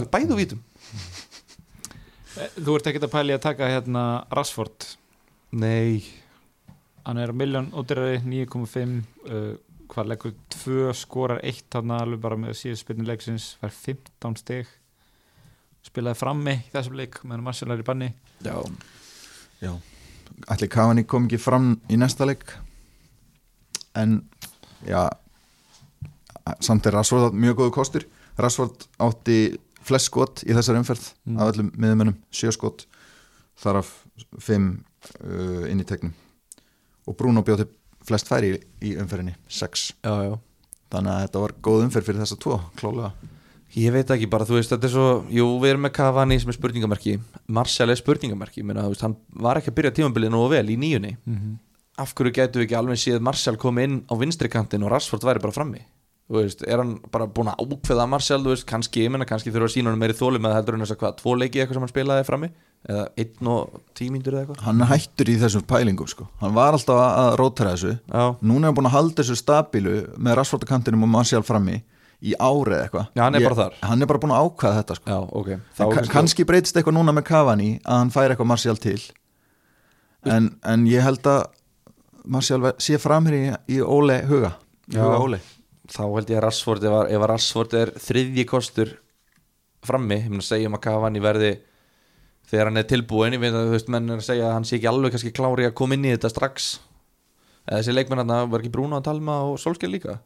Jú, hann væri bara ekki alveg tilbúin ekki alveg tilbúin þannig að þú veist ég veit ekki að Rashford er alltaf í náttúrulega þriðji kostur sem strækir? Mér finnst þetta alltaf, hvað kostur hann, 9,5 miljón Rashford já, Já. sem miðjumæður, þú veist, það er ekki séns í sig að fara að taka hann, sko, við erum með Son hann bara sem er ódýrari líka þannig að þetta er alveg bara ekki einu sinni, ég er ekki einu sinni nálægt í að kaupa Rashford ég er ekki alveg samanlega þessu, ég er alveg heitur fyrir honum fyrir hvert þá? ég, þú veist það er ekki alveg á dagskroni núna að kaupa hann sko en kannski bara á næstunni ég er ekki með, með hann í sektinu neitt strax sko. Nei, ok það væri fullkomið núna þetta að selja þetta brönu fyrir Rashford það er þetta góðu punktur sko hvernig er prógramið á mannjú? Checka því. Chelsea, Arsenal og Everton já, já, já ég býða með það náttúrulega þetta er svo alveg nýja frétti með að þetta bruna sér frá í nokkra vikur þannig að maður er ekkert búin að geta hugsað um En þetta. þá að melta þetta bara. Við droppum þetta, það verður eiginlega að koma fram við droppum við sá Gunnar sko þreymur sekundum fyrir Ering og það var bara, maður sá bara þú veist, og þú fórst bara í fíl þú var bara, eru nýja fréttir. Ég hef búin að ákveða haldunum sko. Ákveða þetta breytir öllum. Ef ekki að fara í spurningar eða? Herðu, já. Hver er með þær? Þú? uh, Takk þú þetta bara. Ég skal taka þér. En mér langar samt að segja að hérna, spurningarnar eru í bóði nýstyrtarala. Nú? Já. Sem er hérna go training. Og þið vitið hvernig er oft sagt go hard or go home. Mm það má nú ekkert mikið vera að fara út þessa dagana. Þannig að hérna þeir eru með sérstætt program sem heitir go home training. Ú. Já, uh, Go Home er æfingakerfi sem er sérstaklega hanna fyrir þá sem vilja geta tekið æfingu hvar og hvenna sem er, hvort sem það er með eða án búnar. Mikil áherslega og skilvirt æfingakerfi app sem heldur utan um allar æfingar og ótakmarka aðgangur að þjálfara í gegnum appið. Þannig að þú vilt auka styrk og þól, vilt ná árangri og hafa þjálfara á kantinu sem er alltaf tilbúin til aðstofa og fylgis með þér, þá er Go Home æfing- æfingakerfi sem henda þér. Finnið Go Training á Facebook eða Gúdmundur á Instagram. Gútmundur Já, Gu, Gummi er það góðu þjálfari að hann fekk að hafa handulið Gúdmundur G-O-O-D Já, góð mundur Já. Good, good mundur Já, þurfti sérstætt leiði fyrir því. Oh my god. Því líka Því líka dæmið. Já, þannig að það er bara go home training. Þetta er eitthvað sem margir geta nýtt sér núna í, í þessum faraldri sko. Já, já, já Er það ekki? Er ekki allir að æfa heima bara núna? Er það ekki? Það er ekki annað hægt Ég er enda viðkynni það að það nemi að nú með gym í mjötunni Er það? Já Var hægt að vera með það? Ég- ég- Þú veist Ég var að segja nei hér Nei. og ofinbjörlega vettvangi en þú veist, við getum alveg rætt þetta hérna út í, út út í skúmarsundi nei, hérna, hvað segir maður, skúmahonni Sko, Skúma skoti skúmaskoti Skúmahorni. skúmaskoti. Við getum skoðað þetta, en það, já en ég meina, þú veist, það er alltaf, hægt að fá, alltaf fínt að fá prógram og vita hvað maður á að gera. Algjörlega, ég, hérna, ég var að prófa þetta og þetta er uh, geggjað, voruð með True Codes appið, vídeo sína hvernig að gera allar æfingarnar. Getur alltaf hýrt í honum til að fá ráð og þetta er bara ógislega næs. Þannig ég get heyrt í þessu gæja og sagt bara, heyrðu, ok, ég er fótbolta fíkil ég er hérna að horfa á enskan bolta sjö klukkutíma á hverjum lögudegi design a program. Og hann gerir bara program út, ég er bara að taka arbeigur og nefnbeigur á meðan ég er að horfa á enskan boltan heimaðu mér, í Til- sófanum. Til dæmis. Oh Fyrir my fram að God. sjónvarpið. Oh my god. Sign me up. Herra, spurningar. Ég ætla að rósa hlustendum. Já, Ég hef aldrei séð svona margar spurningar er ekki líka bara margir steiris að fara að velta það? Ég meina, nú erum við búin að gera þetta í ár Meir en ár, ég hef aldrei séð svona margar spurningar. Þetta kemur náttúrulega inn á Instagramið okkar uh, Hópurinn okkar. Við erum komið með þúsund, yfir þúsund meðlimi í fantasjópin Er það breaking news? Það er breygin news, við þurfum eiginlega að halda upp á það. Hendi eitthvað, eitthvað gjafaleika eða eitthvað? Gefa, þú veist, við erum í styrta Við erum í styrta sambandi með Dominos, þú veist, þúsund Skili, þú veist, hvað hugsa maður? Dominos þúsund, mjög Hei, það meira þessi dag, þrillari Já. Svo óttum að geta gefið eitthvað þriðtast tilbóð Og þú veist, nemi að geta gefið eitthvað einhver tíma þúsund gall og, og eitthvað svona dæmi, þú veist, það er hægt að gefa alveg helling.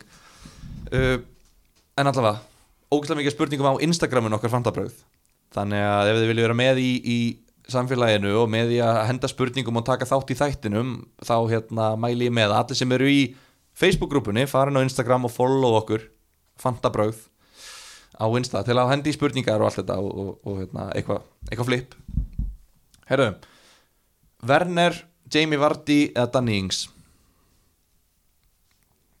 Má segja Harry Kane eða? Já, það má. Veist, ekki Jamie Vardy uh, og ég veit eiginlega ekki um hinn að tvo. Töluðum ekkert um Ings í þættinum. Já. Hann skoraði eitt og laði beitt eða hvernig var það? Skóra hann ekki bara eitt? Já, hann bara skoraði eitt. Hlætur yfirleitt næja bara að skóra eitt. Já, Já, Prógramið er svolítið að fæla maður frá sko Þeir að Evertón Aston Villa, tvö efstu liðin í dildinni næstu tveimur. Sáþandun Já, sem við tölum um áðan og það sínd við en ekki gefin. Já, þannig að við segjum erum við bara Kane. Ég myndi reyna Kane eða Aguero. Ég myndi sko, þú veist, ef Vardy er inn í þessu á 10,1 eða 10 þú veist, búðu bara til hálfa miljón aukala. Gerðu eitthvað til, að- til að græja það. En af þessum þreymur ég myndi líka að segja Werner eins og er. Já, ég held, Er það ekki? uh, myndi, hvern myndið þið taka inn? Eh, ok, spurningin er hvernig að taka inn fyrir Wilson? Þannig ég ætla bara að spyrja hver er besti svona 6-6,5 miljón króna sóknarmæðurinn eins og er. Ég er Ég- ekki að grínast Ég segi Olli Watkins sko. Mm, ok. Við klippum þetta út. Já, ég, hérna, ég ætla að segja bara Mopay hérna, fyrir því ekki hanna, hanna nei, þú veist, jú, er það ekki? Jú, ég myndi freka taka Grílis eða Barclay heldur en Watkins. Já, daginn en, en já, hann gæti alveg sprungið út líka sko. En ég myndi taka Mopay akkurat núna. Ef ekki, Mo- ég, ég meina, jú, kannski fixtures hjá Mo- Watkins, en ef ekki Mopay, þá myndi ég bara fara í brúster eða eitthvað sko, bara búa til pening af því ég, mér finnst ekki brjálaðslega mikið valjú á þessu verði hjá þessum sóknarmönnum eins og er. Uh, Cavani, við erum alltaf sammálum að býða bara eftir honum. Já, já, uh, af hverju skorar Olli ekki búin að tekla það. Já, bara út af nafninu. mikið mystery. Hann bara heitir Olli. Ráli Jiménez halda eða henda? Halda, halda, halda, halda. Ég ætla að segja það. Næstu tvo leiki. En þú, Aron sem seldir Jiménez ég, í umverðinni? Já, ég, þú veist Ég seldi hann til þess að kaupa Harry Kane. Ef, að- ef að ég væri ekki þú veist, þar var náttúrulega vóð þingra að kaupa leikmanni sem ég langaði að kaupa. Veist, og ég þurfti að vorna Jimenez fyrir hann. En ég var veist, ég var svolítið búin að ákveða bara fyrir lýtsleikin að selja Jimenez og mér hann ekki sína mér og bara vúls líka almennt ekki sína mér nóg í þeim leik til að veist, til að ég myndi hætta við þessa skiptingu. Mhm. þannig að ég bara veist, hann er algjörlega að halda eins og Gunni segir uh, en hann er ekki að kaupa. Nei, sammála. Já, Mm. Ok. Þetta eru næstu tvei leikir. Síðan, síðan bara Síðan þetta- algjört swing hjá þeim. Já, og þeir fá hræðilegt program þá skiptir maður yfir í einhvern annan. Ég Já. ætla, ég ætla alltaf að gera það. Ef að maðurinn sem seldi Jimenez segir halda þá held ég hann sé halda. Ok, bara eitt nafn. Hvern á maður að taka í staðan fyrir De Bruyne? Nafn. Það er bara eitt nafn. Son, Ok. Aron. Ma, þú veist, ok, ég verði ekki að segja eitthvað annað? Jú, sko, ég mynd ég myndi taka Manchester United, Bruno eða Rashford en mér líst samt ekkert á leikina þeirra. Nei. Þannig að, þú veist, ég tók Hames en við gerum kannski ráð fyrir að flestir séu með hann. Já, þannig að þetta er þetta er erfitt, sko. Þú veist, erum við að tala um Chelsea leikmann, ég veit það ekki ég veit ekki, ég, ég segi alveg Rashford, ég, veist eitthvað eitthvað aðna ég segi Bruno. Já. uh, um, Má sjá Er alveg off að hafa Rhys James? Já, Selja? Sko hann, hann er að fara að spila svona annarkvæmt leik, myndi ég ekki ská Já, ok. Þannig að það getur engin, það nennir engin að vera með 5 miljónu varnamann sem spila annarkvæmt leik Þannig að ég, mér finnst að maður þurfa að selja hann. Og Vesta er eins og núna hann kom inn á í þrjár mínútur. Þú veist, Já. hann er ekki einu sinni að veist, þó að hann sé bakvörður að þá er hann samt að koma inn á seinti leikjum og sem kemur þá í veg fyrir að þú fá mann inn að bekknum sko. Já, já uh, Má sjá, er Aubameyang að fara að kikka í gang? ekki með við þennan leik Nei, hann Og- kostar svo ekki með við- mikið Ekki maður. með við tímabilið Nei. Hann er ekki búin að sjást þannig að við mælum með bæðis sitt, Sala og eða Mani frekar, Já, ekki? jú. Ok, við erum að reyna að skanna þetta í gegnum þetta. Uh, James Justin. Er er, er hann Selja. yesterday news reynd lag ólegast næstu fjóra uh, selja, hann er komin í seljapakkan Selja hjá mér. Ég segi selja líka. Það er svo mikið að meðslum í vörninni hjá þeim. Og þeir eru erfiðara program núna framöndan Já, og bara líta Já, við vorum að tala um þetta, bara líta ítlu út og, og allt þetta sko, hann er búin að hækka ég er búin að fá 0,1 miljón fyrir hann eða stennan pening fyrir hann, þannig ég vil bara og, og stig náttúrulega fyrir mörkinni í byrjun.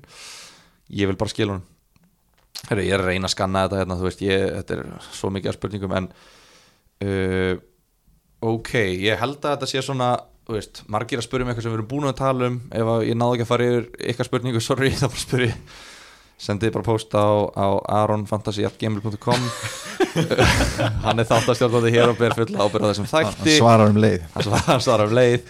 Uh, ein þetta sem er spurningu um framhaldið og er kannski, ég var kannski að við færum að skoða þá næstu umferð. Mm. um, fyrirliði fyrir næstu umferð. Mér hefur ekki fundist þetta eins auðvelt í langa tíma. Það sem að ég ætla bara að setja fyrirleifandi á Sala heima á móti lýraðasta liðin í deildinni? Erum við ekki nokkurn veginn sammála um það eða? Ég er með á sala eins og er og mér finnst ólíklegt að það breytist. Já, Mani væri annað kostur en það er náttúrulega ekkert margir með hann. Nei ég er með á Sala líka. Já. uh, Son og Kane. Klárlega möguleiki. Já, bara en eh, ég held líka bara þetta er svona svolítið svona að því maður er búin að fylgjast lengi með og maður veit einhvern veginn maður er alltaf hrættur við að kafta einhvern veginn móti börnlei, maður líður að þessu geta alltaf múra fyrir þó að sé kannski ekkert endilega undafarið það, veist, það er allavega það sem er að hræða mig frá því að setja bandið á annarkotna þeim. Sala verður most captained, það, við vitum það bara. Já, já, og ef maður vil vera aðeins öðru sig þá eru Son og Kane.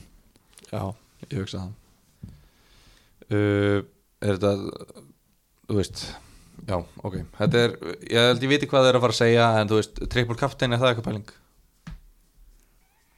Nei, akkur Já, er, er, bara, ertu á mann að Sala, á Sala, út af því að hann á heimaleika mútið lélasta liðinu og hann er heitur og Liverpool verður að vinna og þeir eru búin að skora sjö mörk í tveimur heimaleikjum og bla bla bla, þú veist við erum að sjá þúsund mörk í leik. Það er hægt að raukstiða það sko. Það er hægt að ég, þetta er ekki my style að gera þetta í svona single week Nei, við kannski töluðum svolítið mikið um þetta í fyrra út af því þá voru við, mér fannst við svolítið vera að kynna fantasy fyrir Íslendingum. Já, svona, hvern, svona, þessi, þessi leikur er miklu meira heldur en bara horfa eitt leik fram í tíman og henda ykkur um svona skilju þetta er alveg strategískur leikur Mhm. og svona sálfræðilegu leikur og maður að hugsa hvað aðrir að gera þú veist þetta er bara svolítið eins og kaup og selja hlutabrjöfstundum Mhm. og mér fannst við vera svo mikið að kynna leikin fyrir hlustundum mér finnst við núna svolítið, svolítið gera ráð fyrir því að allir sem eru að hlusta okkur núna hafi verið að hlusta okkur fyrra og það, það sem við fórum yfir þetta, þú veist, eins og chipsin og þetta. Mér finnst við vera að hamra á þessi hverjum einasta þætti við höfum ekki nefnt chipsin. Ég brotnaði persónulega niður þegar að bara mjög góðu vinur minn spilaði fríhittinu sínu fyrir þessa umferð. Og ég bara, ha, býtu af hverju? Bara, þú ert búin að hlusta á hana þátt núna bara í hálft árið eitthvað. Og bara þú, þú, þú ert alltaf að spyrja mútið í fantasy. Spilaður fríhitt, æjá, æjá bara eitthvað svona eitthvað, þú veist, erum við ekki að offa Varstu bara, hef ég ekki kent þér neitt? Án djóks, ég bara ég þurfti að setjast bara á hendunar sko, ég ætlaði bara að fara ég, á- ég, á einn fél, ég á eitt félaga sem notaði frí hittið og held að væri semst, frítt hitt semst, bara auka skipting. Mm. hann fengi bara, myndi sleppaði mínus fjögusti að gera auka skiptingu. En það er ekki þannig. Nei, nei, og bara þú veist, þannig að fyrir þá sem eru kannski þú veist, voru að byrja að spila þetta og hafa aldrei spilað hérna, fantasíur í einhverju vinnudeld eða eitthvað og, og hérna, er ennþá hangandi í þessu eru kannski vanið að hætta að bara við, hvet, fyrir hönd fantabræða ætla ég bara að hvetja ykkur all, öll til að hérna, býða með chipsin hvað kölluðu þetta? Flögur? Nei, Spilin, Spilin. Töfraspilin töfraspilin töfraspilin býða með þetta því við erum alveg að fara að sjá tvöfaldar hérna, umferðir er það, ekki, er, er það eitthvað Jú, óbreytt núna? er þetta ekki nei, sama bara, þetta ekki bara Þetta er spilað ennþá þjættara en, en fyrri ár. Og við erum allir búin að nota vælkartið sem er eitt af spilunum. Já, nei, við erum að tala um þessi þrjú hérna, þú veist. Og svo Já, kemur nú annað velkart eftir áramótin þannig að já, eina sem að við samþykjum að spila fyrir áramóti áramótin er því þú verður að spila þú, þú, tvö velkart, þú verður að spila einu fyrir áramót og svo verður að spila einu, þú getur ekki sapnað þeim upp og að spila tveimur eftir áramót þannig að í rauninni bara, ég vildi bara vekja aðtekla á þessu fyrst að bara góðu vinnu vinsa þetta þá bara hugsa, vá maður, þú veist, við erum bara af öllum sem eru að hlusta á þetta, hljóta að vera fleiri sem að finnst að vera sniðu hugmynd sko. Það er ekki sniðu hugmynd, nei. Ég vil þetta ekki. Uh, Er þið búin að gera breyningar, voru þið búin að tækla það kannski? Nei, og ætlið að gera, ætlið að selja þetta í brónið, eða ekki? já þið eru búin að eðalega allt fyrir mér með að vera upplýsing að veita fyrir þig. Ég ætla að spila til braunin næstu helgi en það mun líklegast ekki ganga með við nýjustu fréttir. Þannig að maður þarf að fara að selja hann. Og ég er ekki með Hames Nei, hann er möguleiki. Eða Rashford, Bruno, mm. Sterling. Ég hef ekki hugmyndum hvað ég geri ég er í sömu vandræðum, veist, ég ætla náttúrulega að býða og sjá með hérna meistaratöldin og svona, ég meina, þú veist mér líka að sjá bara hvernig ég mun stilla upp liðinu sínu, veist, ég meina kannski fótbrotnar Sala í, í næsta leik eða eitthvað, eða Bruno Fernandes fótbrotnar í kvöld eða eitthvað, ég ætla að sjá bara ég held ég býði bara aðeins með skiptingarnar. Uh, en já, ég er að hugsa þetta bröðinni og þá ég veit ekki, kannski taka á mig hitt og uppfæra þá Davis, sóknamann inn á 4,5 uppfæra hann í Keinið Aguero eða bara taka þetta bröðinni í þá myndi ég líklega að kaupa Bruno eða hérna Störling hugsa ég. En bandi á Sala held að það sé nokkuð ljóst. Erum við þá ekki nokkuð góðir eða? Held ég. Erum við búin að smakka þarna Ostoberfest pizzuna? Ójá Ég fekk með pönnu Ostoberfest pönnu pítsu. Mæli með því. Það er alveg Bara einhverjar fjórar tegundur osti, stort og lítið pepperoni, kvítlösolja say no more. Þú veist, þetta er bara you had me at fjórar tegundur osti sko. Já, er spicy mayo á tóknum sko. Það er, Er það á pizzunni? Óstopafest já, ég er eiginlega alveg um Þeir voru að gera, það er Ostober og svo er Ostoberfest Já, Já, þetta Þetta er, er- þetta eru tvær sikkur á pizzunar Já, Pældi því. Ostober er bara með ostum. Já. En Ostoberfest er með meira gúmilaði Ég var sko að prófa festival um daginn Já, og mér finnst hún geggjuð. Getum við fengið Ostober festival? Bara svona 13 álegg og bara Ég var alveg til í það. Herri, við minnum auðvitað á afslutakóðan á Dominos. Það er eh, 35% afslutur af sótum pizzum matseli með kóðanum Fanta. Já. til að skella sér í einu Oktoberfest með það og skella sér í Elko. Okkar allra diggustu hlustundur er að hlusta á þriðutaskvöldi og það við erum að lónsa bara núna klukkan þú veist, 8 eða hálf 9 á þriðutaskvöldi Okkar allra diggustu hlustundur er ná þriðutastilbúðinu sko en hinir í staðan vera býði viku ok, þurfu ekki að vera perruð út af því að þið eru með Fanta kóðan. Þannig að þið fáið pítsuna á, á bara helviti góðum díl 35% afslátur og hérna, já. Skella sér í Elko og taka FIFA með þessu? Já, taka FIFA, ef þið eru lélega í FIFA ef við þrýr myndum til dæmis fara í Elko og kaupa okkur PlayStation 5 líka og, og FIFA. Og veist, sá sem er lélegastur af okkur, hann er ekki að gera. Hann getur verið að taka þessar heimaðingar á meðan. Já, og svo getur við farið allir og karblótað í Ostoberfest eftir á. Og svo getur við farið allir saman í einhvern tíma í Nemju. Getum við farið þrýr saman í einhvern tíma í Nemju rifja upp starffræðin út af því að þú ert nú í viðskiptafræði þú ert læknir, skýrðu Vákomi líst vel á þetta plan. Þetta er Eh, bara Þetta er eiginlega komið. Og svo techból þessu milli. Já, heyrðu, oh my god. Eins gott við byðum með það besta fyrir í síðasta sko. Wow, ég er ekki að grínast. Ég er að pælega að koma með svo nýtt hotn eins og oljihotnið, uh, GT hotnið Ég er ennþá undefeated. Hvað segir á þessu? Við þurfum, ég og Gunni þurfum að fara að mæta þannig rústaðir í Við erum ekkert búin að keppa við sko. Ok, þið núna eruð eitthvað voða kokki og, og talið eins og þið séu góðir. Ég er actually góður í þessu veist, ég held í alvörun að ég geti unnið Íslandsmóti, ég, veist, ég er ekki að djóka ég er ekki, veist, ég, meina, ég er ekki að spila ofar heldur en bara, ég er ekki eins og spila fótbolta í, í deildakefni Já, ég, ég kemst ekki í, ég, kem, ég fæ ekki að spila í þriðutöldinu sko. en ég er helviti góður. Ég, ég, ég hef skemmt öllum sem ég spila við. Er, er þetta rústa fólki bara? Er þetta eitthvað eitthva, Nei, veist, ég er ekkert að vinna 7-0 skiluru Nei. þú veist hvert leik, en þetta er bara samfærandi skiluru við tókum hérna, ég er búin að taka eitthvað 4-5 mót og vinna þau öll og bara, þetta er bara ég gekk þér í þessu, þetta er ógeðslega gaman. Og hvernig er reglunir í þessu, má halda á lofti eða? Það er þrjá snertingar. Já, og veist, ég var aðeins kynnt mér hörðust reglunar í þessu, að þá er þetta þannig að þú veist, þú þú mátt ekki nota sama líkans eða ég sparka honum með hægri ristinni þá verði ég að nota lærið eða já, veist, já, já. það er tællir þrjá snertingar. Ég má ekki, ekki taka hæra læri, hæra læri rist, þannig að þrjá snertingar og, og hérna, annars er þetta bara eins og bortinni sko, eða þú veist þannig séð, en þetta er djöfull er þetta gaman, Hvað, hérna, hvað hvert á maður að fara til að ná sér í svona borð? Techisland.is tekisland.is pantið þetta þar og hérna við erum með, með þannig hérna díl, þeir sem er komið einhvern tíma á nefju þau geta, feng, þau geta satt keft við mig af því ég er eiginlega alltaf í mjótinu að vinna uh, þannig að þau geta keft við mig og ef þau vinna þá fá þau tíman endurgreðan Þetta er bara eins og BT í gamla daga Ég, jokes. ég er alveg til í frían enga tíma, sko. Já, já, en þú verður búin að borga fyrir tíman og pantan og setja tíman og svo í lokin, ef þú vinnur mig í lokin eftir einhver tíman, þá Já. endurgreði ég tíman já.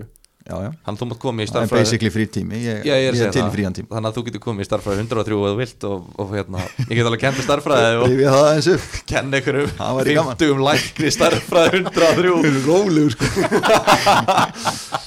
en hérna, en já, þetta er algjör snilt ég mæli með þessu öllu. Við erum að gegja að vera að hérna, vera styrtir af styrtir alveg sem að við virkilega fílum skiljið, Já, mæli með þessu fyrir alla, alla hlaðvarpskallana hérna úti já, herðu Er þá bara sala í kaftin og allir sáttir?